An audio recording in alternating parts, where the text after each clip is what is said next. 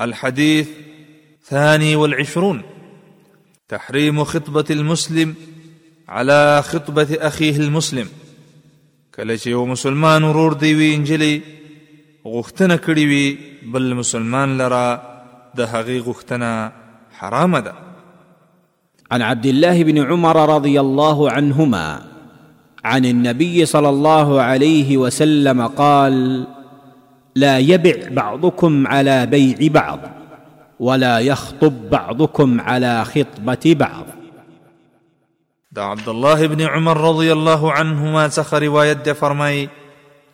نبی کریم صلی الله علیه وسلم فرمایلی دی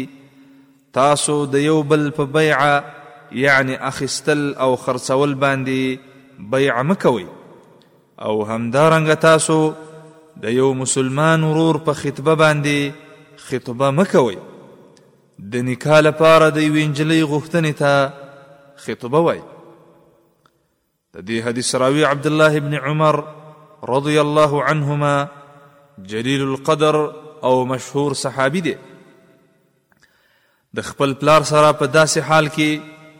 په دین اسلام مشرف شو چې بالغ لا هم نو او بیا وروسته یې مدینې ته هجرت وکړ، اول ځل لپاره د خندق په غزا کې شریک شوی دی او بیا وروسته په ټولو غزاګانو کې د نبی کریم صلی الله علیه وسلم سره شرکت کړی دی او همدارنګه د مصر شام عراق او فارس وغیره په ډیرو اسلامی فتوحاتو کې شریک شوی دی او په صحابه کرامو کې د علماو د جملې څخه شمارل کیږي ډېر زاهد او عابد و، تر دې چې ده د زهد او تقوا د مثال په توګه ذکر کیږي او د احادیثو په کتابونو کې د دنه د نبی کریم صلی الله علیه وسلم 2014 احادیث نقل دي او په کال اوه اویا هجري کې په مکه مکرمه کې د شپږ اتیا کالو په عمر وفات شو من فوائد هذا الحديث د دې حدیث د فواید څخه اول دا حدیث دلالت کوي چې بیع او شراء یعنی اخستل او خرڅول کول د یو مسلمان په بیع او شراء یعنی اخستل او خرڅول باندې حرام کار دی دوهم